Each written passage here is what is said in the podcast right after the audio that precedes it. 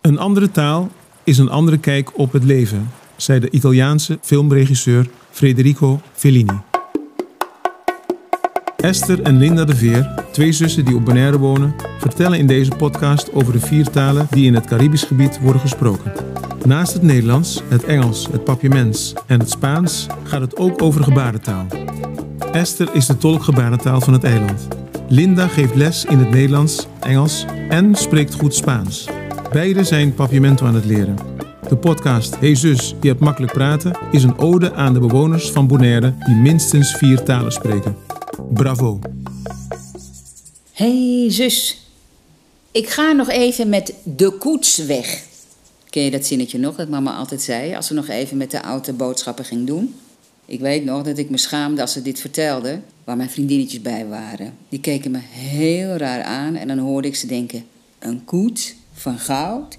Hebben jullie dan ook paarden en lakeien? En dan moest ik weer uitleggen dat dat een zelfbedacht woord was en er geen reden was behalve dan dat ze van gekke woorden hield.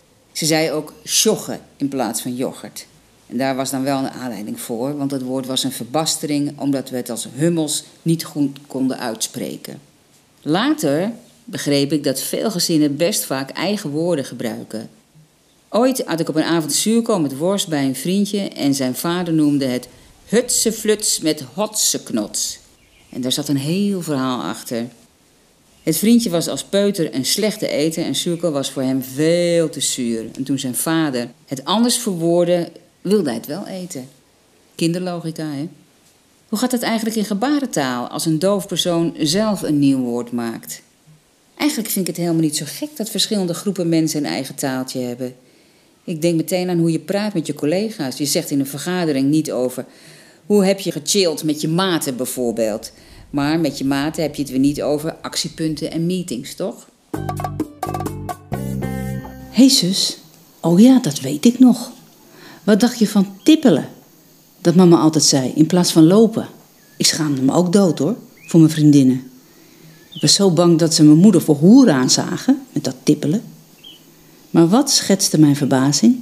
Afgelopen zondag hoorde ik bij het radioprogramma Goudmijn Philip Bloemendaal verslag doen van de wedstrijd snel wandelen.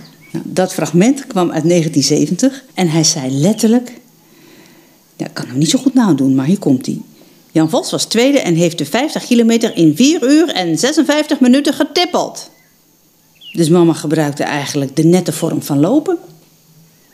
Wat betreft de gebarentaal weet ik niet of gezinsgebonden gebaren bestaan. Ik denk het haast wel.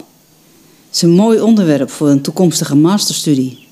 In het papiament heb ik ook nog niks kunnen vinden. Mocht ik de voorbeelden hebben, dan komt er uiteraard een column deel 2 van dit leuke onderwerp. Maar ondertussen heb ik nog wel een mooi waargebeurd verhaal over het Nederlands en het papiament. Mijn vriend B in Nederland spreek ik al vanaf het begin dat wij hier wonen, regelmatig via FaceTime. En we missen elkaar en sluiten altijd af met dikke kus of slaap lekker. Toen ik in het papiament had geleerd dat slapen droemi was en lekker douchi, zei ik dat ook tegen hem. Droemi douchi. En ik zag zijn mond openvallen en tranen in zijn ogen komen. Ik dacht nog, nou, nou, zo knap is het nou ook weer niet hoor. Mijn eerste woordje papiaments. Daar hoef je toch niet zo emo van te worden? Maar dat was het niet. Hij kwam er op dat moment achter waar de naam van zijn knuffelaap vandaan kwam, die hij als kind altijd met zich meesleepte. En dat aapje had hij gekregen van de buurvrouw en hij was er dol op. De buurvrouw was al oud en overleed en hij heeft nooit kunnen achterhalen waarom ze hem zo had genoemd. En dit werd een dingetje in zijn familie. Waar komt de naam van mijn knuffelaap vandaan? En dat ontdekte hij dus op dat moment op de FaceTime met mij. Het aapje heette Droomidoo. De buurvrouw bleek van de Antillen te komen en heeft de aap Droomidooshi genoemd. En dat werd in de loop van de tijd afgekort tot Droomidoo. En die herinnering kwam weer helemaal terug bij hem. En zo is de zoektocht naar de naam van de knuffel eindelijk na, ik geloof al 40 jaar, ten einde gekomen. En zelfs zijn moeder moest een traantje wegpinken toen ze hoorde dat het mysterie was opgelost. Het is toch wonderlijk hoe de naam van een knuffelaap 40 jaar lang heen en weer kon reizen tussen Nederland en Bonaire. Bedankt voor het luisteren. Luister ook naar de andere afleveringen van Hey Zus. Steven Tromp, bedankt voor de muziek.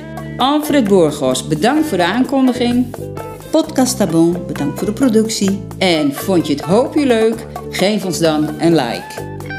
Op!